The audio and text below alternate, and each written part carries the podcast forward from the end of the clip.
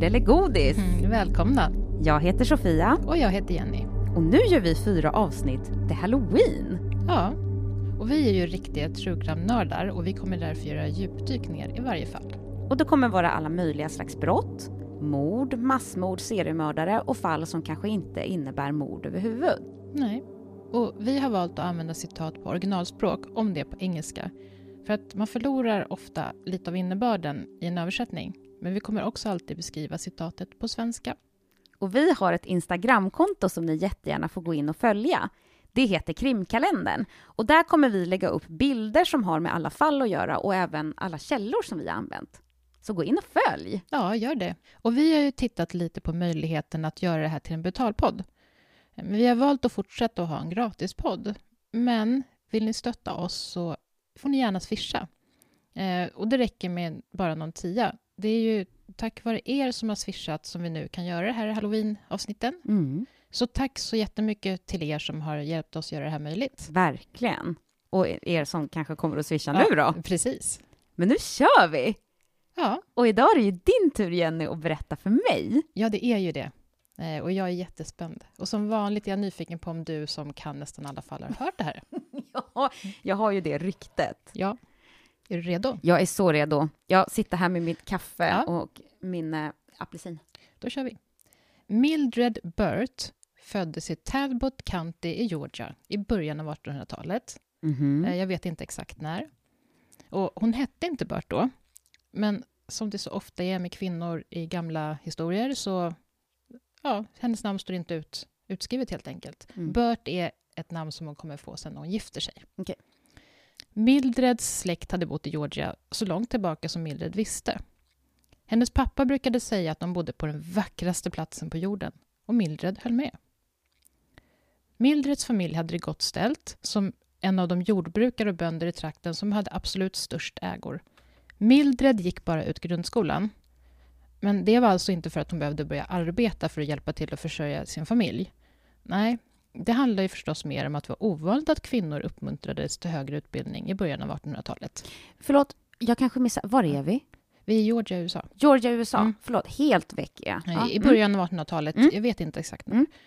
Eh, Men målet med utbildningen var egentligen bara att döttrarna skulle finnas i en make som kunde liksom ta över försörjningen av dem. Så det var bra. En försörjning som de då inte kunde fixa själva med tanke på Ja. att de inte hade någon utbildning. Precis så. Eh, Det var bra att kunna läsa och det var bra att kunna räkna så pass mycket att man kunde hålla i ordning på hushållskassan. Ja. Vissa bättre förmedlade föräldrar de satte sina döttrar i olika så här, konversationskurser så att de skulle kunna konversera sina makar. Men, men andra tvärtom tyckte att nej, nej, nej, det var det dummaste man kunde göra för att kvinnor var som allra bäst när de var tysta. Men Mildred, hon var inte typen som var tyst. Hon var glad för det mesta och framförallt var hon pratglad. Mm. Hon tyckte helt enkelt om att prata och hon tyckte också om att lyssna. Och hon kom ofta för sent hem eftersom hon hade stannat för att prata med någon på vägen. Mm. Och då drog liksom tiden iväg. Det hände allt som oftast att hon skulle gå och handla socker till exempel till sin mamma och komma hem en hel timme för sent för att hon hade börjat prata med någon hon träffat på bageriet eller hos slaktaren. Mildred ville veta hur saker fungerade och hon tyckte om allt från historia till politik. Ämnen som inte passade sig för en kvinna. Mm. Och hon var också diskussionslysten och ifrågasatte när hon betvivlade någonting som någon sa. Mm. För hon var ju ganska påläst. Hennes föräldrar var ganska oroade över det här och det här, det kallade de för framfusigheten. Mhm. De sa till varandra att nej, Mildred, hon skulle nog aldrig bli gift. Men de försökte ändå. De pres- presenterade olika män för Mildred. För att förvisso var hon lite jobbig, men det de hade som, till sin fördel då, det var att de faktiskt var ganska rika. Just det. Det skulle nog kunna lösa problemet. Men de blev ändå ganska förvånade när Mildred en kväll vid middagsbordet berättade att hon hade träffat en man som hon ville gifta sig med. Mhm. Och Mildreds kinder lyste röda. Det var uppenbart att hon var förtjust i mannen. Ja, kanske rent av förälskad. Men det som var liksom det som Mildreds föräldrar blev förvånade över, det var att mannen som hon skulle gifta sig med, Mr. Burt, som han hette, Just det, Och som där har gav jag- henne hennes efternamn. Då, ja, och där är mm. jag faktiskt ingen förnamn på honom. Nej, Så jag kommer kalla honom för Mr. Burt. jaha. Eh, det som förvånade dem var att han hade ganska gott om pengar han också. Han hade minst lika stora ägor som Mildreds föräldrar. Så han behövde liksom inte gifta sig Nej, med henne på grund av pengar? Det. det var uppenbart att han älskade henne också. Så Mildred gifte sig och blev Mildred Burt. Ja. Paret fick barn. Först dottern Sarah 1838.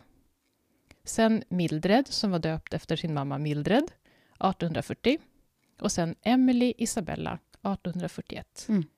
Till sist kom minstingen, sonen Joel 1842. Ja. Mildred älskade sina barn och hon ägnade gärna dagarna åt dem. Men efter några år så började hon ändå känna att hon hade det lite tråkigt. Hon tyckte om att umgås och nu hann hon nästan aldrig träffa någon utanför hemmet. Trots att de hade en husa och en tjänsteflicka verkade det aldrig bli tid över. Om det inte var någonting med barnen som behövde tas om hand så var det någonting med hennes make. Mildred hade varit jätteförälskad i sin man när de gifte sig och efter fyra barn så tyckte hon fortfarande om honom. Men han var ju så oerhört tråkig. Han verkade aldrig vilja prata med henne om någonting som hände i världen. Inte ens i byn. Allt han ville prata om var huruvida det gick bra för barnen i skolan. Och vid sällsynta tillfällen så började han prata och berätta om hur det hade gått med den senaste skörden. Mm. Så hon kände sig liksom lite, det var lite torftigt. Mildred skämdes lite över det här. Att hon tyckte att hennes man var så tråkig. hon älskade sina barn, men hon träffade dem bara på dagarna och att prata med dem var inte direkt intellektuellt stimulerande. Mm. För de var ju trots allt bara tre, fyra, fem och sju år gamla. Just det. De få tillfällen hon fick för att träffa några väninnor och i alla fall prata om typ vädret och skvallra lite, eh, då liksom sög hon i sig allt hon kunde få. För ibland kändes det som att om hon inte skulle komma ut ur huset skulle hon bli galen. Mm. Men tiden gick. Och med tiden så började Mildred nöja sig. Hon vande sig liksom. Det var nog bra så här. Hon hade det bra. Hon behövde inget mer än sin familj. Men fortfarande var det så att varje gång hon fick möjlighet att ge sig hem till någon väninna och dricka te, då försökte hon få tiden att gå så långsamt som möjligt. Mm. Det gällde att suga musten nu varje sekund tillsammans med en annan vuxen människa som inte var hennes man. Åren gick och barnen blev tonåringar. Mildred var förvånad över att hennes barn var så olika varandra. Sarah var lugn och förnuftig. Mildred var busig. Och Emily Isabella var väldigt allvarlig, men också väldigt snäll. Joel var charmig och väldigt bortskämd, som minstingen liksom, och den enda killen men så hände det som inte fick hända. Mr Burt dog. Mm. Mildred var utom sig av sorg. Hon och barnen ärvde ännu mer pengar än de redan hade. Barnen Burt skulle aldrig behöva arbeta i sitt liv om de inte ville. Mildred bar svart i ett helt år, som man skulle. Men när hon tog av sig sorgedräkten då kände hon liksom en ny sprittande känsla i kroppen. Visst, hon sörjde sin man, men hon kände helt plötsligt en ny glädje. Mm. För under sorgeåret då hade hon liksom blivit hembjuden till vänner. Ofta, ofta, ibland varje kväll. För att de ville liksom laga mat åt henne och sånt som hon inte orkade nu under sorgen. Hon hade gillat det. Mm. Eh, för hon var ju då så svältfödd på umgänge. Och hon fick ofta påminna sig själv om att hon inte fick se glad ut när hon var hembjuden Just. till någon. Eh, för att hon hade ju trots allt sorg. Det hade blivit slutet av 1860-talet och nya vindar blåste i samhället. Industrialismen hade full fart och möjligheterna för kvinnor att arbeta blev större och större. Kanske skulle hon låta även sina döttrar få en högre utbildning, inte bara Joel. Framförallt skulle det vara till nytta för Emily Isabella. Mildred skämdes för det, men Emily hade verkligen inte utseendet för sig. Mm. Det var tur att de var förmögna. Annars skulle nog Emily aldrig bli gift. Precis som hennes föräldrar Just hade det. tänkt om henne. Ja, precis. Men det var inte hennes utseende, utan det var hennes... Eh, att hon var så... Alltså pratig. pratade. Ja. Liksom.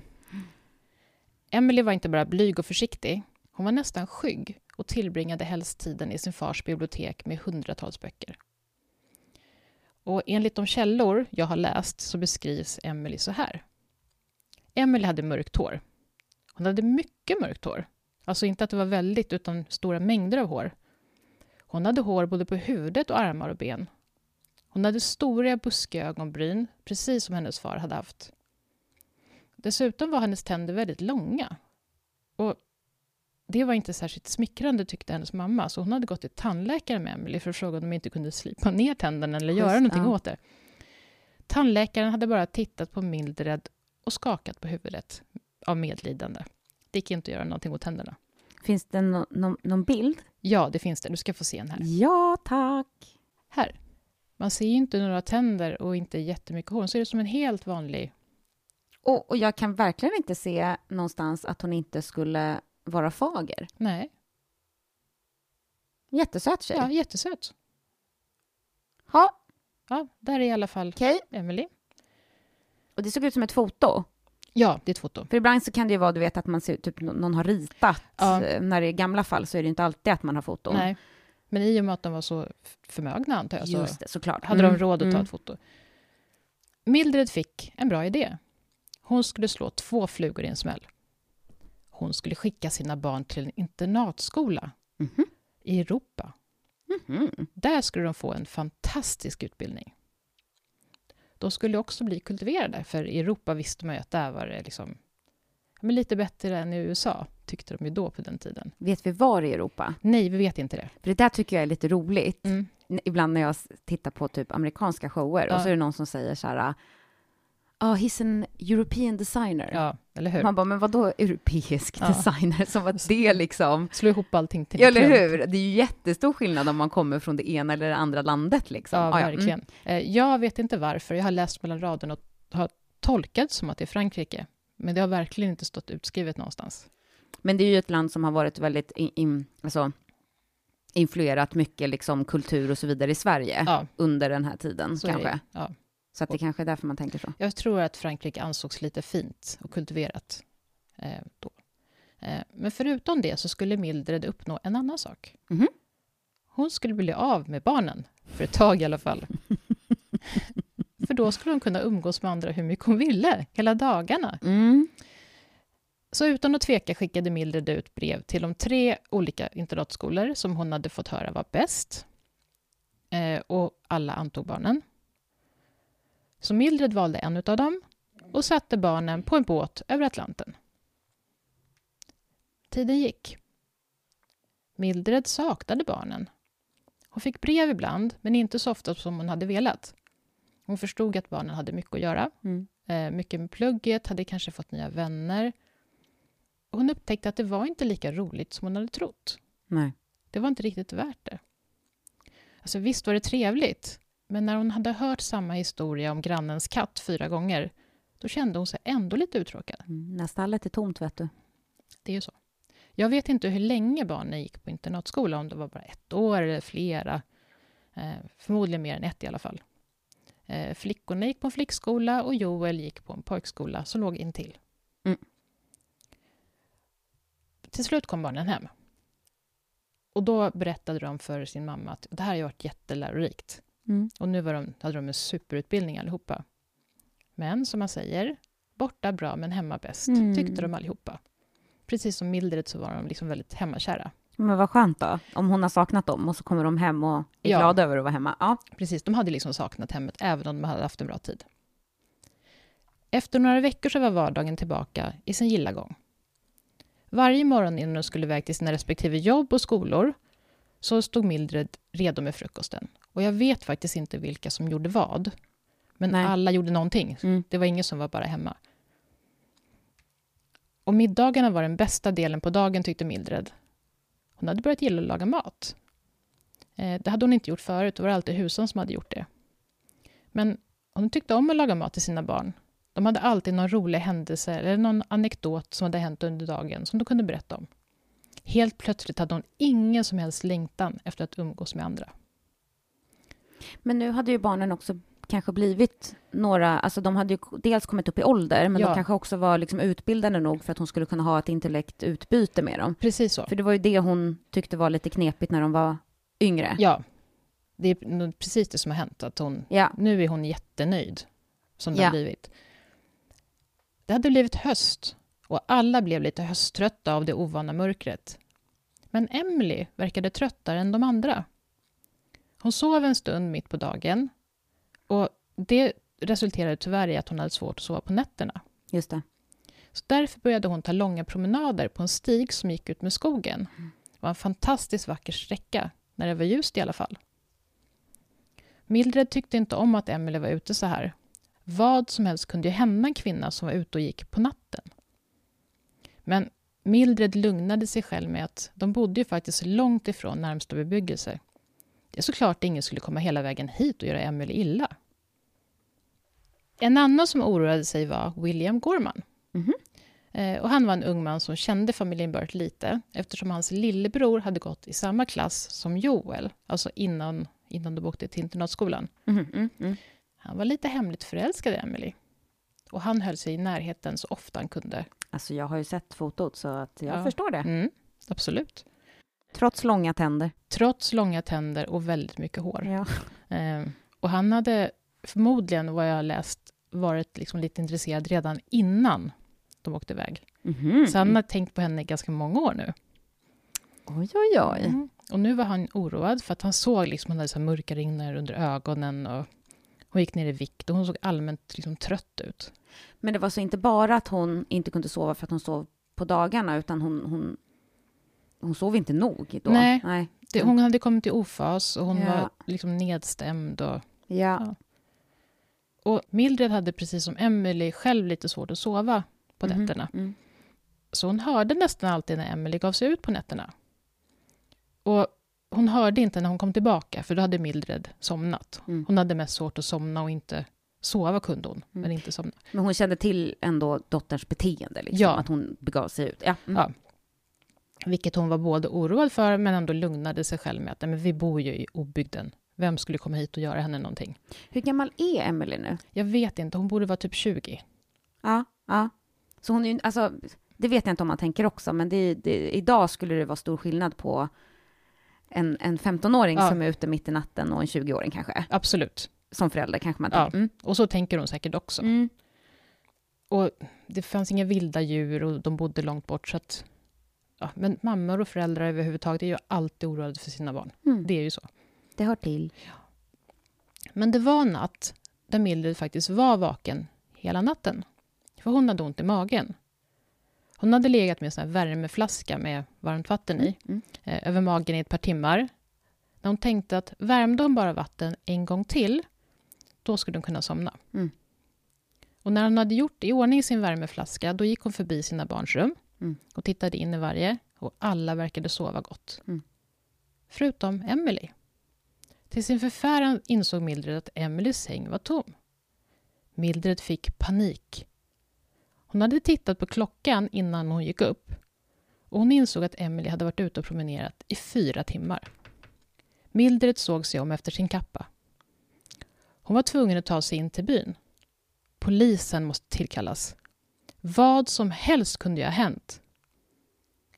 Mildred hoppades ändå att det var William hon hade träffat i smyg. Ja. För att det var ju såklart inte så bra, men det var bättre än alternativen. Mm. Mm. Och I samma sekund hörde hon det distinkta ljudet av att deras ytterdörr öppnades. Och sen hörde hon tassande ljud över golvet. Hon skyndade sig att smyga tillbaka till sitt rum. Hon ville inte att Emily skulle tro att hon spionerade på henne. Mm. Emily var ju trots allt vuxen. Dagen efter så var Emily ännu tröttare vid middagsbordet. Hon sa att hon mådde illa. Hon ville inte ha så mycket mat.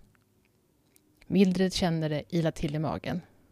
Och nej, det fick inte vara så. Mm. Tänk om Emily skulle få smått. För vad? Få smått. Få barn. Jaha. Har du inte hört det förut? Det har jag säkert, men jag kopplade inte. Jag Nej. tänkte att det var någon sjukdom eller Nej. någonting. Smått, vadå? Smått? Nej, eh, nej men att, att hon ja. var gravid. För att utan att vara gift på den tiden så skulle det vara en katastrof. Ja. Så Mildred bestämde sig för att prata med Emily direkt efter middagen. Men Emily förnekade både att hon liksom hade pojkvän, Mm. alltså William då, och absolut inte hade en bebis i magen. Det var det mest liksom obekväma samtalet någon av dem någonsin hade haft. Det här var ju inte någonting de pratade om. Nej.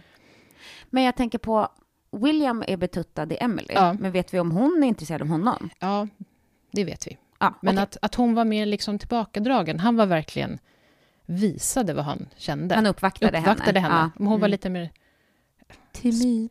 ja, spelade svår kanske, inte vet jag. Det är svårt att säga. Hon var Men, inte riktigt lika tydlig i Nej. vad hon kände. men däremot, däremot var det tydligt att hon kände någonting. Okej. Mm, mm. Veckorna gick. Emily blev blekare och blekare och magrare och magrare. Hennes vita hud fick de svarta stråna på hennes armar och synas mer än vanligt. Hennes buskiga ögonbryn fick hennes trötta ögon att se ut som en magisters, tyckte Mildred. Mm. En, alltså typ en sträng lärare, Mm, antar jag att de mm, menar. mm. Mildred behövde ta saken i egna händer. Hon tog med sig Emily till en läkare.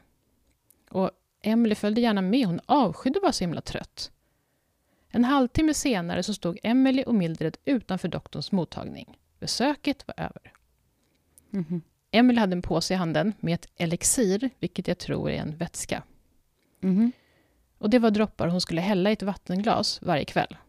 Två droppar, en timme innan sänggående. Och det fungerade. Det var helt enkelt starkt morfin. Det gjorde att Emily knappt kunde stå på benen och hon kunde inte hålla ögonen öppna.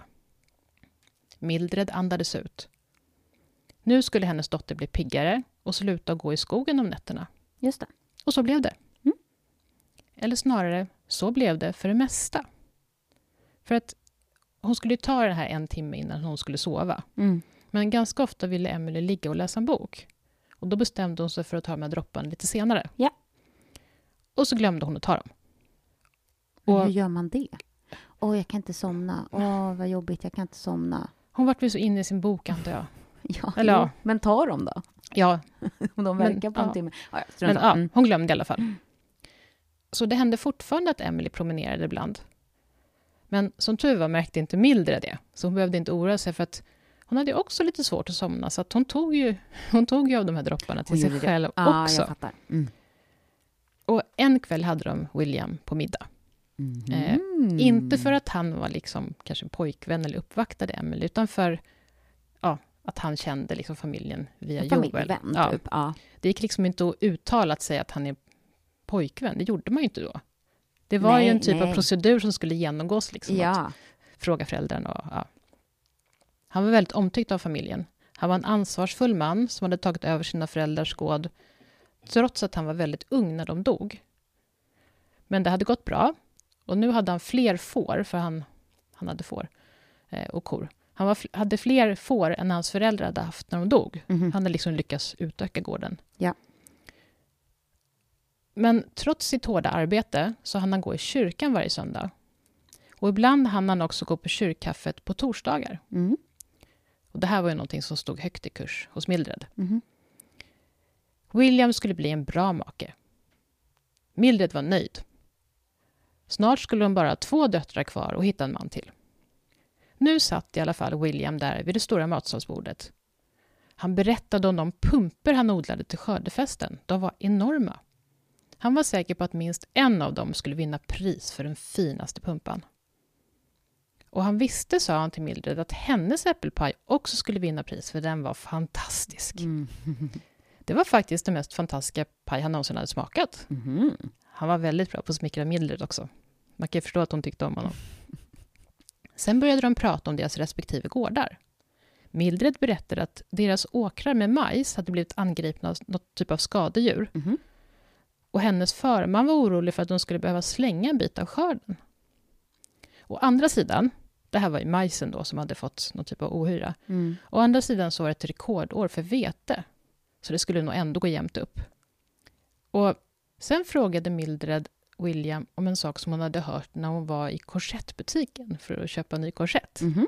Då hade mannen bakom kassan berättat att han hade hört att William hade hittat döda får i sin inhägnad. Okej. Inte bara en gång, utan två.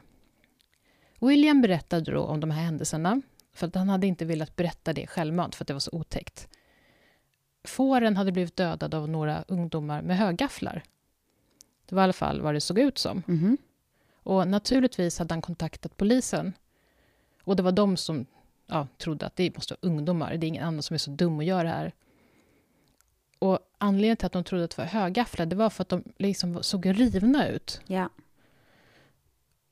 Och några dagar senare så hörde Mildred, den här gången när hon var på bageriet, att samma sak hade hänt en annan bonde en bit bort, men han hade kor. Men kan man inte... Kan det inte vara ett djur då? Jo, det kan det, men jag vet inte hur de fick. Det var väl så att det var så djupa och stora liksom, rimärken eller någonting. Matchade inte något? Alltså man, Nej. de kanske borde ha koll på hur, Ja, hur, jag antar hur det. djurattacker ser ut, eller vad vet jag? Ja. ja okej. Eh, Men teorin var i alla fall att det var, det var ungdomar som hade gjort det. Men den här andra bondens då djur, kor, hade blivit dödade på samma sätt, så likadant ut. Mildred blev rädd. Vilken tur att de hade skaffat morfin till Emily. Vem vet vad som hade hänt om hon hade varit ute och gått och sett de här vettvillingarna med deras högafflar i händerna. Mm. Då hade hon blivit vittne till vad de hade gjort. Just det. När det hade hänt på ytterligare ett ställe så bestämde sig William, som var en handlingskraftig man, för att sätta ihop som en grupp med starka män som skulle ge sig ut på natten och ligga och lurpassa på det här gänget Mhm. för att kunna ta fast dem. Och då skulle då ha sina gevär redo. Deras första mål var att ta fast förövarna så att de skulle kunna ställas inför rätta. Men om de inte skulle ge sig, ge med sig frivilligt, då skulle de skjuta. Annars kanske de farliga brottslingarna skulle riva dem också till döds. Mhm. Första natten gav ingenting. Inte heller nästa. Samtidigt gick byns byfåne, som man ofta fick höra då att det fanns Just det. någon byfåne som, ja, förmodligen då någon som faktiskt var sjuk. Ja. Han gick omkring och försökte slå i folk att det var inte alls ett ungdomsgäng som hade gjort det här. Nej, det var någonting som var en man och en varg i samma kropp. Blir du orolig nu? Du vet vad det handlar om. Ja. Mm. Det var ett djur som såg så otäckt ut att de skulle svimma när de såg det, spred byfånen ut. Mhm. Och alla var skakade på huvudet. ja. William och hans män skrattade och gav sig iväg på sin nästa nattrunda. Men inte heller den här gången hade de tur. Men till slut, natten därpå, natt nummer fyra eller fem tror jag, Mm. då hade William och hans jaktlag mer tur. När de stod i utkanten av en åker så såg de någonting som såg ut som en onormalt lång man en bit ut på åkern. Nattmörkret och avståndet gjorde att det var svårt att se. Men att någon skulle befinna sig på en åker vid den tiden, det var liksom... Då var det någon som gjorde någonting olagligt. Ja. Eh, Så att de tvekade inte. De tog upp sina vapen och sköt. Men när de kom fram till platsen så var den här varelsen borta. De hittade ingenting. Men, Men- de, de såg att de träffade, eller? Nej, ja, nej det gjorde de inte. Nej. De såg nej. ingenting. Nej. Det var för mörkt. Eh, Men när de kom fram kunde de se att gräset var nedtryckt. Att det faktiskt hade stått någon eller någonting där. Men även denna natt var misslyckad. Men nu var de redo att gripa efter varje halmstrå. De sökte upp byfånen. Och efter att ha blivit lovade en pint med öl på puben så öppnade byfånen, som egentligen hette Andrew Finley, han öppnade upp sig. Det de letade efter var alltså det djur som han hade beskrivit. Han sa, alltså Andrew sa, att figuren de hade sett var en varulv. Och det fanns bara ett sätt att döda en varulv. Man var tvungen att skjuta den med silverkulor. Männen trodde ju inte på det här, men ja, som sagt, de grep efter varje halmstrå. Mm. De gick tillbaka till sitt. De samlade ihop det silver de hade och träffades i en av männens hus. Så smälte de samman det här silvret till tre runda silverkulor. Mm. De var nöjda. De hoppades faktiskt att byfånen hade rätt. Annars skulle de se ut som byfånar efter det här. Just det. Så den kommande natten var de ute igen. Till sin glädje såg de figuren en gång till på samma plats. De tre männen som hade en silverkula var i sina vapen avfyrade varsitt skott. Figuren föll ner i gräset. William skrek ut sin glädje och förkunnade att det var minsann han som hade skjutit det dödande skottet. Mhm. Men till deras besvikelse så var den här äh, varulven då, eh, förmodligen, eller kanske, borta när gruppen kom fram till platsen. Mhm. Minst sagt besvikna begav de sig hemåt igen. De var generade. Det var nog bäst att inte prata högt om det här. Men samtidigt hade Mildred för liksom, en gångs skull upptäckte att Emily var borta igen. Hon låg inte i sin säng. Mildred fick panik. Inte igen! Hon sprang ut och började leta. Det här var alltså typ på småtimmarna. Mm. Först letade hon på vägarna och på stigarna och sen inåt mot skogen. Hon letade timme efter timme. Någonting sa henne att någonting var fel och att Emily var här någonstans. Och så plötsligt var hon det. Emily låg på marken, likblek. Hon gnydde. Mildred skrek ofrivilligt till. Hela Emelies hand och armar var blodiga. Mildred drog upp Emily och fick henne att stappla hem med armen över Mildreds axel. Mm. Väl hemma så tvättade Mildred av henne. Det visade sig att blodet kom från ett sår i handen. Men jag har också en källa som säger att handen var borta. Eh, Så blodet kom liksom från ja, det som var kvar. Mm. Eh, Men de flesta säger ett sår i handen. Och när Mildred tittade noggrannare så såg hon att det var ett skotthål. Det fanns ingen tvekan. Det var ett stort hål som gick rakt genom handen. Mhm. Hon var tvungen att ta henne till doktorn. Redan dagen efter hade berättelsen om silverkulorna, varulven och Emelies hand spridit sig. Det var Emily som var varulven. Något hade hänt när hon var i Europa på internatskolan. Det var det enda rimliga svaret. Då hade hon förändrats och förvandlats. Och Det var därför hon hade sett så trött ut på sistone. För att den här förvandlingen då i kroppen på nätterna tog så mycket kraft. Det. Ja. William var helt förstörd. Han hade skjutit sitt livs kärlek, som dessutom var varulv. Men just det kunde han se förbi. Han älskade Emily och ville leva med henne resten av livet, vare sig hon var varulv eller inte. Men Emily kände inte likadant längre. Det var inte hennes fel att hon tydligen var en varulv. Hon hade inte ens vetat om det. Och hennes pojkvän hade skjutit henne. Mildred var orolig för att Emily skulle få till- stå till svars i rätten Mhm. och att hon skulle bli, kanske bli fängslad.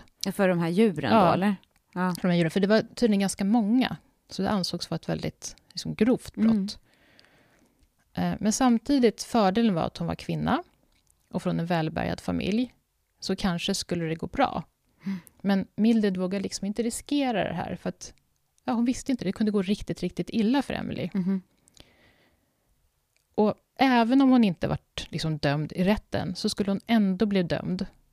För att alla i byn, och kanske även långt utanför, skulle döma henne. Och då tog Mildred det enda beslutet hon kunde ta då. Hon skickade tillbaka Emily till internatskolan i Europa. Mhm. Både för att liksom lugna ner stämningen i byn och kanske få dem att glömma tills hon kom tillbaka. Men också tänkte hon att det här som hade förvandlat henne till en varulv, det kanske liksom gick att backa tillbaka bandet på något sätt. Jag vet inte hur hon tänkte, men att, att Mm. varulvsdelen av Emily skulle försvinna. Och hon åkte. Tre år senare kom Emily tillbaka med rosor på kinderna. Inga mer liksom, mörka ringar under ögonen. Mm. Ingen mer sömnlöshet. Inget mer varulveri. Emily var fri från förbannelsen. Och efter det här så levde Emily som alla andra. Hon gifte sig, inte med William, Nej. för honom ville ni inte se längre. Får jag bara säga, jag tyckte Ja. ändå att det var ganska fint att William bara, nej men varulv eller inte, Ja. dig älskar jag. Ja. Det var lite romantiskt. Det är superromantiskt. Eh, Och jag kan gå händelserna i förväg lite och säga att han gifte sig inte Nej men någonsin. Och det tycker jag är väldigt, väldigt sorgligt. Verkligen. Och vem vet, Emily gifte sig, men vem vet liksom om hon kanske hade varit lyckligare med William? Man vet aldrig. Nej. Hon gifte sig, skaffade barn och hon arbetade aldrig utanför hemmet. Hon blev gammal, jag vet inte hur gammal. Och hon rev aldrig varken får eller kor igen. Nej. Och det var historien om Emily Isabella Bunt. Det var som attans. Ja. Ja, en varulvshistoria. tack. Vad roligt. Eller roligt, ni förstår Ja, vad jag menar. mm. För vi, när vi pratade om det här att vi skulle göra halloween Ja. och att vi kanske skulle ha lite halloween-tema Ja. på, på avsnitten. Mm. Då hade ju jag, då skickade jag en länk till dig Ja. om just en varulv, så Ja. jag tänkte ju att du skulle ta den, för Ja. att det var ju verkligen, jag läste ju inte artikeln, Nej. men det var ju så här, åh vad spännande Mm. liksom. Nej men vad kul, och någonting helt annat. Nej, det här hade jag hört talas om. Nej, och det hade inte jag heller när jag letade efter varulvsfall. Eh, Men jag tyckte det var spännande att det var en kvinna. Ja. Eh, För det tror jag är ganska ovanligt. Och jag ska säga också att i Georgia så är det här ett fall som... Alltså det är jättekänt. Ja.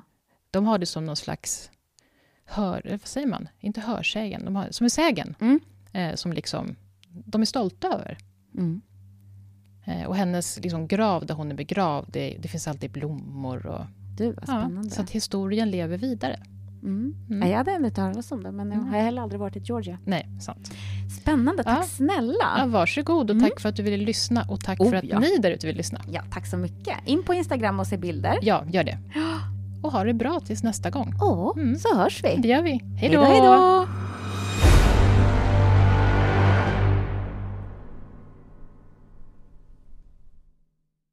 På internatskolan då, eller? Nej, utan i, Innan. innan. Ja. innan. Mm. Oj, oj, oj. Oj. Oj. Nej, men Oj. gud. Studion rivs.